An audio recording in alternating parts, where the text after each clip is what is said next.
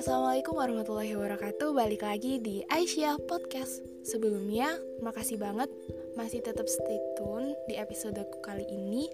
Dan di sini aku bakal ngelanjutin kajian dari Kak Desi Saraswati mengenai berbaik sangka atas ketetapannya Jadi, alasan kita sulit berbaik sangka yaitu yang pertama belum menerima kondisi saat ini. Ya sulit banget yang kedua itu belum yakin sama ketentuan Allah. Gimana Allah mau bantu kita? Kalau kitanya aja nggak yakin sama Allah. Yang ketiga yaitu terlalu banyak excuse. Terus yang terakhir terlalu kekeh sama keinginan kita. Padahal kita nggak tahu nih mana yang terbaik buat kita.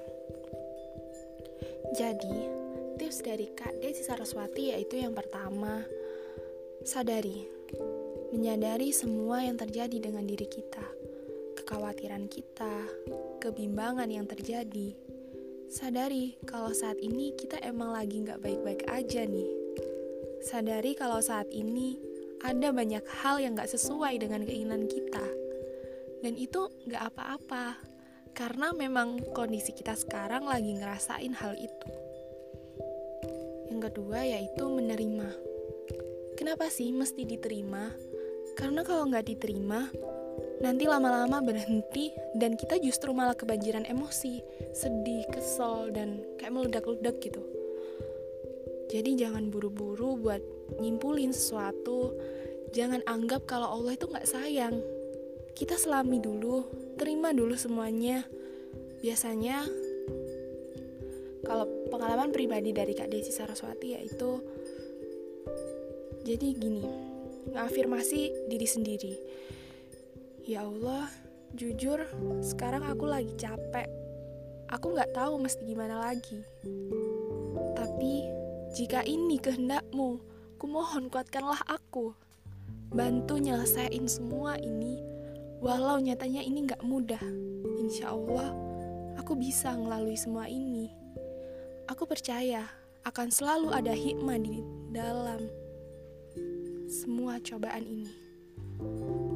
Kuatin, kuatin, kuatin. Nah, untuk cara yang ketiga yaitu the game change. Jadi mungkin biasanya kita kenapa sih ini tuh kok gini banget gitu ya? Coba rubah kira-kira apa yang Allah pengenin melalui hal ini. Coba teman-teman bayangin, pernah gak sih teman-teman ngerasain ada di posisi tersulit banget? Rasanya tuh dulu kayak gak bisa ke mana-mana lagi dan gak bisa apa-apa lagi. Udah gak tahu mesti gimana lagi.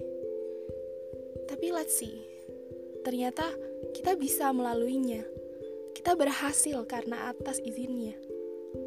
Bagaimana jika saat itu kita tak mengalami hal itu? Apa kita akan tumbuh menjadi diri kita yang sekarang? Bukankah kepelikan selalu memberikan pelajaran meski nggak selalu kita tahu hikmahnya sekarang? Coba teman-teman renungkan, adakah hal yang paling menyakitkan sekali hingga akhirnya setelah melewati proses itu berkali-kali tak henti-henti kita mensyukuri? Jadi ujian dan masalah yang datang, tandanya Allah itu sayang sama kita. Biar kita bisa deket terus sama Allah, biar kita mintanya dan harapnya itu cuma sama Allah. Allah cuma pengen kebaikan untuk kita. Allah nggak pernah terlalu cepat apalagi terlambat, meski terkadang itu menyakitkan. Barangkali itu yang terbaik. Walau nyatanya berbaik sangka bukanlah perkara yang mudah meski ada korelasi hati, pikiran, dan perasaan. Masalah itu sementara, sikap kita saat ini yang abadi.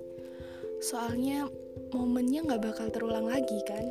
Meski kita bisa memperbaiki, tapi momen waktu yang tadi kita gak bisa ulang lagi. Kadangkala Allah membantu kita tak melulu dalam bentuk kesenangan, tapi dengan kepahitan, keputusasaan, dan barangkali sebetulnya Allah ingin menyelamatkan kita dari hal yang tak diinginkan. Sabar aja dulu, Allah tahu apa yang terbaik untuk kita. Jadi, kuncinya yaitu tetap husnuzon atas ketetapannya dan semangat untuk kita semua. Semoga kita dapat melalui rintangan dan cobaan yang Allah berikan di hadapan kita tabah, dengan sabar, dan kita semua mendapatkan hikmahnya. Amin, amin ya Rabbal 'Alamin. Baik, sekian kajian dari episode kali ini. Wassalamualaikum warahmatullahi wabarakatuh.